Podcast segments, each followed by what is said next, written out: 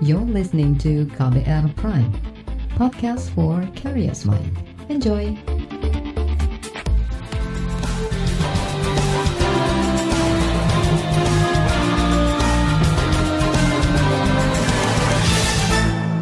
Disiarkan langsung dari studio KBR di Jakarta, inilah KBR sore untuk hari ini edisi 3 Agustus 2022. Halo, selamat sore saudara. Senang sekali saya Reski Mesanto hadir kembali di KBR sore hari ini. Dan seperti biasa selama kurang lebih 30 menit ke depan saya siap untuk menjadi teman Anda. Sore ini saya mau ajak Anda membahas di mana belasan atlet yang berlaga di ASEAN Para Games ke-11 di Solo, Jawa Tengah terinfeksi COVID-19. Hingga selasa malam ada 17 atlet dari tujuh negara yang terinfeksi virus corona. Beberapa di antaranya atlet Indonesia. Para atlet wajib karantina dan tidak bisa bertanding selama masih positif. Bagaimana atlet Asian Para Games bisa sampai terinfeksi COVID-19 padahal sejak awal penyelenggara mengklaim menerapkan sistem gelembung atau bubble per cabang olahraga untuk meminimalisir penyebaran COVID-19. Kita bahas selengkapnya sore hari ini di KBR Sore. Saudara kebocoran sistem gelembung atau bubble di ajang ASEAN Para Games di Solo, Jawa Tengah menjadi catatan penting Indonesian Asian Para Games Organizing Committee atau INASPOK. Juru bicara INASPOK Rima Ferdianto mengatakan, penyelenggara masih menemukan pelanggaran atlet dan ofisial dalam penerapan protokol kesehatan dan sistem gelembung. Kini, Satgas Penanganan COVID-19 memperketat kembali aturan dalam sistem gelembung tersebut. Iya, kemarin kan dari Bu apa banyak yang QR code-nya belum jalan, peduli lindungi. Nah itu kan udah dihidupin terus apa sistem bubble makanan dari luar banyak yang pesan dari luar itu udah benar-benar dikontrol ketat itu nggak boleh pesan makanan lagi dari apa dari luar. Jadi harus makan ya makanan apa hotel nggak boleh pesan di luar lagi. Lah itu jadi dari Kemenkes sih ada evaluasi harian tiap hari karena yang terjun langsung Kemenkes kulineran. Nah lah ya itu karena itu kan jadi ada yang sebenarnya kan nggak diperbolehkan tapi kan terus ada yang lapor. Kalau lapor gitu langsung didatengin oleh apa uh, pihak Kemenkes.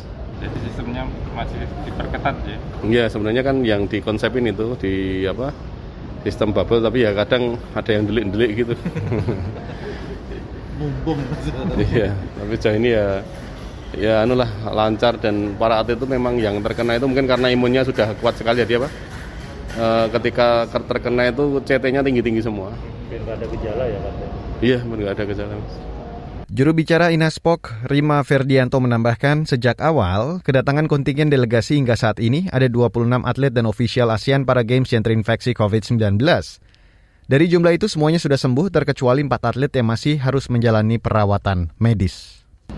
Kalau itu swab itu memang dilakukan kepada para atlet dilakukan semua mas atau berapa oh bukan. jadi ketika datang, datang saja sama ketika ada keluhan. Hmm. jadi nanti juga apa menjelang e, berakhir ini nggak tahu apakah ada apa enggak nanti akan dirapatkan ke Menkes. Kalau yang tadi data tadi awal yang 26 itu itu memang hasil dari awal di kedatangan itu ya? hmm, dari awal kedatangan tuh 26 itu. Datang langsung swab semua hmm. dapat eh, 26 itu. 26 dari mana aja rata. Uh, nggak apa ya mas. Yang jelas di apa di awal-awal itu oh, di awal. Mm -hmm. tapi udah pada disuapin udah pada apa udah yang terdeteksi negatif langsung dibalikkan ke mana ke hotel masing-masing oh gitu isolasi di hotel iya enggak kalau negatif udah normal. Udah, udah, udah normal tapi kalau masih positif ya masih ngendon di situ di hotel dan di Bapelkes. Bapelkes yang semangat semangat. Iya. Saudara itu tadi juru bicara Indonesian Asian Para Games Organizing Committee atau INASPOK Rima Ferdianto. Sementara itu Ketua Kontingen Indonesia Andi Herman mengklaim sistem bubble atau gelembung yang ketat per cabang olahraga masih terlaksana dengan baik. Meski ada belasan atlet terinfeksi COVID-19, tapi jumlah itu masih sedikit dibandingkan total peserta lebih dari 300 atlet dan official. Uh, klaster uh, asrama, atau di hotel, atau apa maksudnya adalah supaya hanya atlet dari cabur itulah yang saling berinteraksi karena faktanya nanti tetap akan berinteraksi di lapangan atau nah, tidak berinteraksi dengan atlet dari cabang olahraga lain. Dari hotel ke venue venue balik lagi. Termasuk juga dengan uh, makanan. Makanya kita sudah uh, menyiapkan makanan di hotel. Sehingga ini diharapkan tidak ada mobilitas ya yang tinggi. Tapi namun demikian kan kita tidak bisa prediksi. walaupun sampai hari ini masih bisa terkelola dengan baik ya uh, karena uh, apa volumenya yang terpapar masih sangat masih sangat rendah dibanding jumlah kita 324.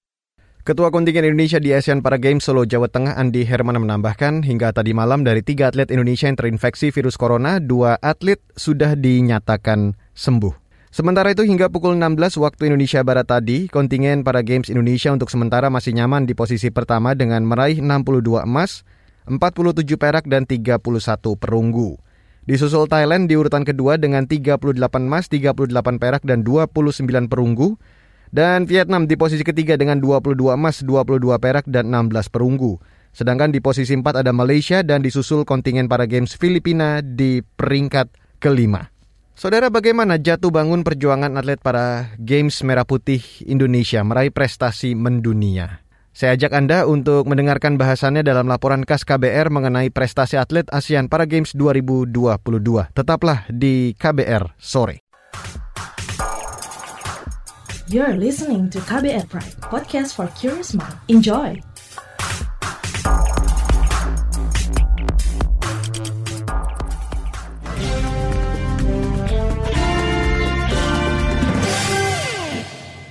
Saudara para atlet Indonesia sudah memperoleh 59 medali emas di ajang Asian Para Games Solo 2022. Meski kompetisi masih berlangsung, namun kontingen Indonesia diprediksi akan menjadi juara umum. Berikut saya hadirkan laporan khas KBR yang disusun jurnalis Siti Sadida. Para atlet Indonesia sudah meraih 59 medali emas, 35 medali perak, dan 28 medali perunggu di hari keempat ajang ASEAN Para Games Solo 2022. Ketua atau Chief the pada ASEAN Para Games kontingen Indonesia, Andi Herman mengungkapkan masih ada sejumlah medali yang diperoleh atlet Indonesia hari ini. Kontingen Indonesia sampai saat ini alhamdulillah telah mencapai sebuah perolehan medali yang memang kita harapkan dan sudah kita prediksi terhadap beberapa cabang olahraga yang memang kita mempersiapkan untuk mencapai perolehan medali. Di antaranya yang hari ini cukup menggembirakan adalah perolehan dari cabang para atletik ya. Dalam dua hari ini telah mendapatkan 27 medali emas dari dua hari pertandingan uh, dari berbagai nomor. Cabang olahraga yang unggul dan meraih banyak medali di antaranya adalah atletik diikuti renang dan catur. Dari cabang para renang yang dua hari ini kemarin mendapatkan tujuh, sekarang hari ini ada tambahan tiga emas, sehingga secara keseluruhan dari renang ada 10 emas. Ya. Demikian juga dari cabang catur memperoleh keseluruhan hari ini empat medali emas. Ya. Selanjutnya juga dari cabang-cabang yang lain seperti bulu tangkis, dari bergu mendapatkan emas, satu, sekarang ini atlet-atlet eh, kita sedang berjuang di nomor perorangan. Juga atlet judo, blind judo juga mendapatkan emas hari ini empat. Medali emas Indonesia untuk ASEAN Para Games salah satunya diperoleh oleh atlet para atletik Sabto Yogo Pratomo. Itu tadi di 100 meter sama 200 meter semuanya udah pecah rekor pribadi atau pecah rekor event. Terutama nanti di 400 meter semoga dapat medali emas yang saya harapkan dan mohon doanya untuk para media dan porter yang ada stadion nanti semoga bisa menghasilkan yang terbaik untuk Indonesia. Atlet lain, Ikomang Suparta memperoleh medali perunggu dalam pertandingannya ketika bergabung di tim basket kursi roda 3 lawan 3 putra Indonesia. Meski bukan medali emas, semangatnya tidak padam untuk menorehkan prestasi di pertandingan selanjutnya. Dari sisi persiapan, tentunya kita udah latihan selama tujuh bulan ini, dan itu emang benar-benar kita siapkan untuk event ini. Karena ini juga olahraga tim, jadi harus lebih menjaga kekompakan komunikasi antar satu sama lain di tim sih itu yang lebih kita tekankan terus ini beberapa teman-teman juga eh, di tim basket masih baru dan saya sendiri juga ini pertama kali ikut di ASEAN Para Games. Jadi jujur sedikit kaget juga karena ini pertama kali bertanding melawan negara lain. Tapi motivasi dari teman-teman, dukungan dari teman-teman juga itu membangun semangat kami juga. Pengamat olahraga Fritz Simanjuntak menyebut para games memiliki persyaratan tertentu untuk para atlet yang berpartisipasi. Para games ini kan memang susahnya tidak ada requirement harus ini dipertandingkan, harus itu dipertandingkan gitu ya. yang memenuhi syarat para games itu adalah ada faktor apakah atlet itu benar-benar cacat kualifikasinya atau tidak. Ada faktor itu kan. Jadi ketika mereka mau bertanding, mereka dilihat lagi, diseleksi lagi apakah sudah termasuk atlet yang para games. Ada atlet-atlet kita yang dicoret tidak bisa tampil kalau nggak salah itu saya lihat dari negara lain juga gitu. ASEAN Para Games masih berlangsung hingga 6 Agustus 2022, tetapi Fritz melihat peluang para atlet untuk menghasilkan lebih banyak prestasi masih sangat tinggi. Bahkan dia memprediksi Indonesia bisa menjadi juara umum ajang olahraga tersebut. Saya melihat ya waktu berapa tahun lalu di Malaysia kita juara umum ya. Jadi saya yakin kali ini juga juara umum apalagi ada faktor tuan rumah kan. Secara keseluruhan saya lihat pertama penyelenggaraannya bagus, yang kedua saya yakin akan juara umum lah. ASEAN Para Games Solo 2022 adalah yang ke-11 kali digelar. Tercatat ada lebih dari 1.240-an atlet dari negara ASEAN yang berkompetisi dalam 14 cabang olahraga yang dipertandingkan. Cabang olahraga itu antara lain para catur dan para tenis meja. Dari jumlah itu, Indonesia mengirimkan 324 atlet, sedangkan Thailand mengirimkan 300-an atlet. Laporan ini disusun Siti Sadida, saya Fitri Anggreni. Saudara Wali Kota Solo sekaligus Ketua Inaspok 2022 Gibran Raka Buming Raka meminta publik tidak perlu terlalu khawatir dengan adanya kasus penularan COVID-19 di ajang ASEAN Para Games. Pernyataan selengkapnya akan kami hadirkan sesaat lagi. Tetaplah di KBR sore. You're listening to KBR Pride, podcast for curious mind. Enjoy.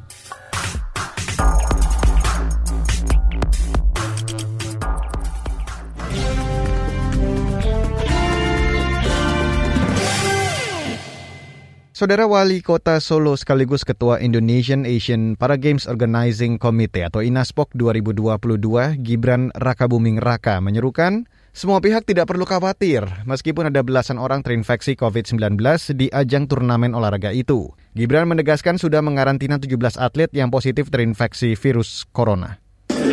Ya ada beberapa. Yang jelas sudah sudah kita sudah kita uh, pisahkan dari yang sehat dan nanti kita tiap tiap uh, setiap hari akan kita pantau terus uh, uh, progres untuk kesembuhannya. Tapi sejauh ini aman-aman semua. Uh, uh, belum ada yang punya gejala-gejala uh, yang parah atau apa enggak. Ini tenang aja ya. Ada beberapa, tapi tenang aja ya. Gibran menegaskan penyelenggaraan Asian Para Games sudah menerapkan sistem gelembung atau bubble untuk menghindari penyebaran COVID-19. Sistem ini hasil rekomendasi dari Satgas Penanganan COVID-19. Sama, di Solo juga ada beberapa. Ini kan sudah kita antisipasi ya, karena memang uh, kita mengadakan event besar seperti ini di tengah pandemi. Tapi sekali lagi dari awal kan bubble-nya kita bagi per cabur, bukan per negara. Jadi uh, ini kita lebih ketat. Dan saya lihat uh, atlet-atlet yang positif ini uh, CT-nya masih tinggi. Jadi saya yakin sembuhnya juga cepat. Jadi tenang aja acara akan terus berlangsung. Wali Kota Solo sekaligus Ketua Inaspok 2022 Gibran Raka Buming Raka juga menghimbau masyarakat yang ingin menonton langsung ajang pertandingan olahraga dua tahunan itu untuk disiplin protokol kesehatan dan sudah divaksinasi COVID-19 dosis ketiga atau booster warga kota Solo dan sekitarnya yang ingin menonton ini saya benar-benar tolong maskernya dipakai terus. Tapi ini aman kok tenang aja. Ya itu masker. Itu aja yang paling penting. Hmm. ini kan booster ini kan booster juga kita kejar intinya masih aman ya mas? Masih aman kita lanjut terus saja tenang aja ya Gibran mengatakan pemeriksaan kesehatan diterapkan sejak delegasi atlet dan ofisial tiba di Bandara Adi Sumarmo Solo. Tapi tidak semua rombongan diwajibkan tes PCR dan antigen COVID-19. Tes COVID-19 hanya diberlakukan pada mereka yang suhunya di atas normal. Sementara itu, Kepala Dinas Kesehatan Kota Solo, Jawa Tengah, Siti Wahyuningsi menyebutkan pasca merebaknya kasus COVID-19 di ajang Asian Para Games, penerapan protokol kesehatan makin diperketat.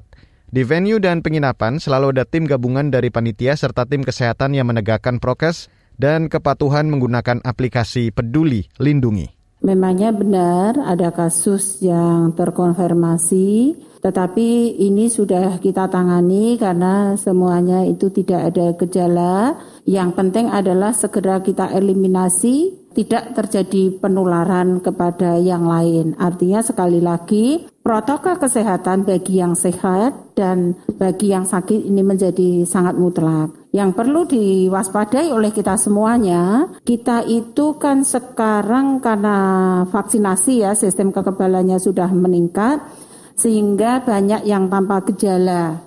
Untuk pengawasan kita kan e, bekerja sama dengan panitia dan dari tim kesehatan di setiap venue dan penginapan ini ada tim kesehatan yang selalu juga mengingatkan terhadap kepatuhan prokes dan di setiap venue dan penginapan ini ada uh, barcode peduli lindungi ini yang diterapkan di pemerintah kita sehingga ini untuk uh, dimanfaatkan dengan baik.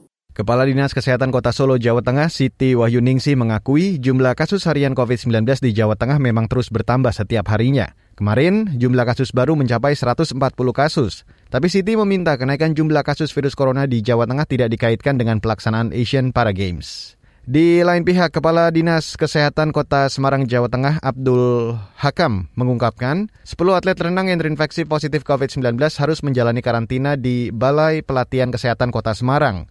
Sesudah itu, lima hari kemudian harus dites COVID-19 kembali. Dan bila hasilnya negatif, atlet tersebut boleh berlaga lagi. Ada kurang lebih ada sepuluhan. Sepuluhan. Untuk penanganannya sendiri mereka karena tidak ada keluhan kemudian kita karantina oh. karantina di apa namanya bubble kes berarti nggak nggak bisa bertanding ya pak nah kalau positif ya enggak lah langsung karantina ya? itu hmm. sampai nunggu apa namanya uh, lima hari dia uh, negatif. negatif kemudian dia bisa melakukan kegiatan lagi. Hmm, renang. Renang. Kalau di Semarang renang. Hmm, dari kontingen mana bapak? Ada dari beberapa negara mas. Oh. Karena ini kan ASEAN tuh. Saudara itu tadi Kepala Dinas Kesehatan Kota Semarang, Jawa Tengah, Abdul Hakam. Sementara itu, kalangan epidemiolog menagukan upaya sterilisasi terkait penerapan sistem gelembung atau bubble di ajang ASEAN Para Games ke-11 di Solo, Jawa Tengah. Apa catatan dari epidemiolog? Perbincangan selengkapnya akan saya hadirkan sesaat lagi. Tetaplah bersama kami di KBR Sore. You're listening to KBR Pride, podcast for curious mind. Enjoy!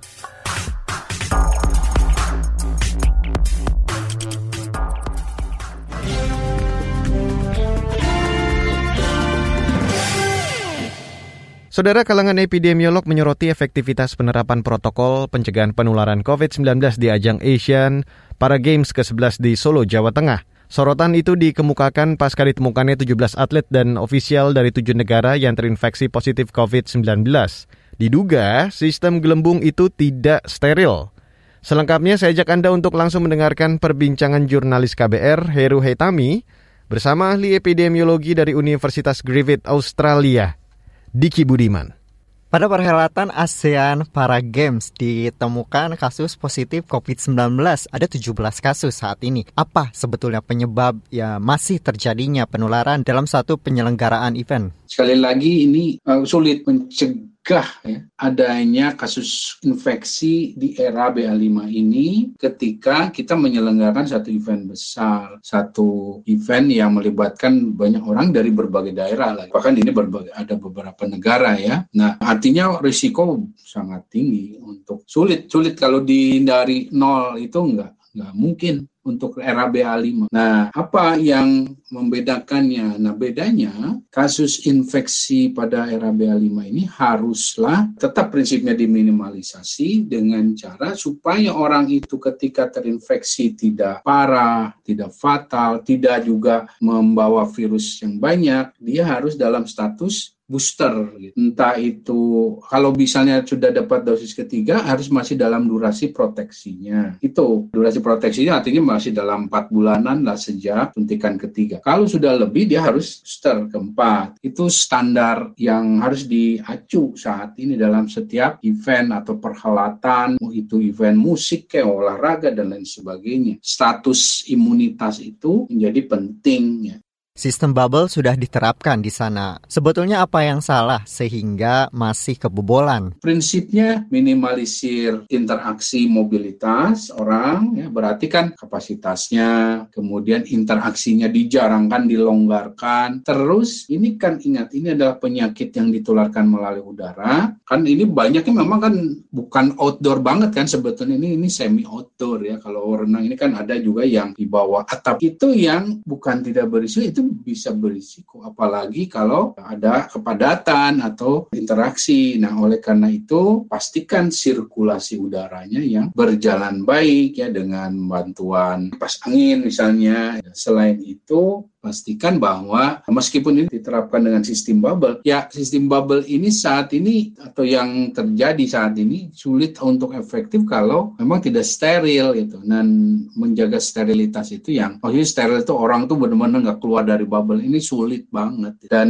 itulah sebabnya potensi efektivitas bubble ini menjadi mengecil seiring dengan pergerakan manusia tadi. Nah, oleh karena itu prinsipnya modal imunitas, minimalisir potensi tularan dengan meminimalisir interaksi ya termasuk tadi kualitas dari udaranya ya. Secara rutin dilakukan rapid test antigen sebetulnya ya.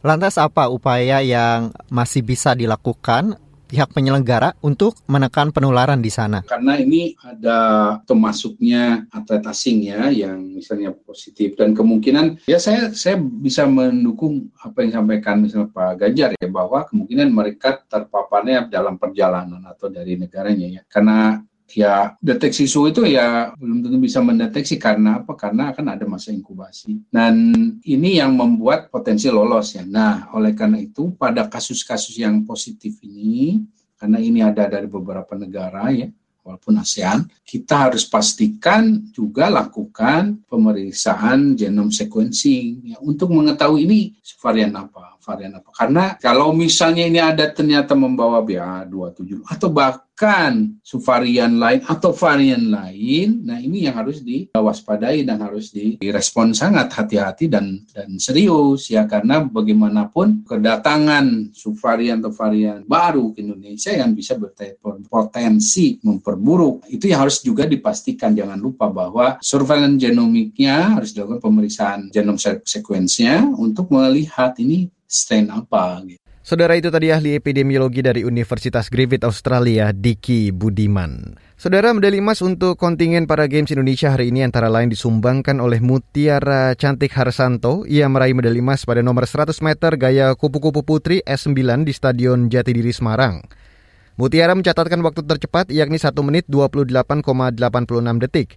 Ia juga mengungguli rekan senegaranya Tiara Hanum Kembang Joyo dengan 1 menit 57,99 detik dan perenang Thailand Mesa Srik Han Pliu dengan 2 menit 5,93 detik. Mutiara mengatakan ia sebenarnya ditargetkan meraih dua emas yakni pada nomor 100 meter gaya dada putri SB9 dan nomor 100 meter gaya kupu-kupu putri S9. Dan saudara informasi tadi sekaligus menutup kabar sore untuk hari ini edisi 3 Agustus 2022. Terima kasih untuk Anda yang sudah bergabung sore hari ini. Selamat kembali menjalankan aktivitas Anda dan ingat selalu patuhi protokol kesehatan di mana pun Anda berada. Hindari kerumunan, kurangi mobilitas, dan pastikan Anda tetap menggunakan masker bila Anda berada di ruang publik. Saya Reski Mesanto undur diri dari KBR Sore, salam.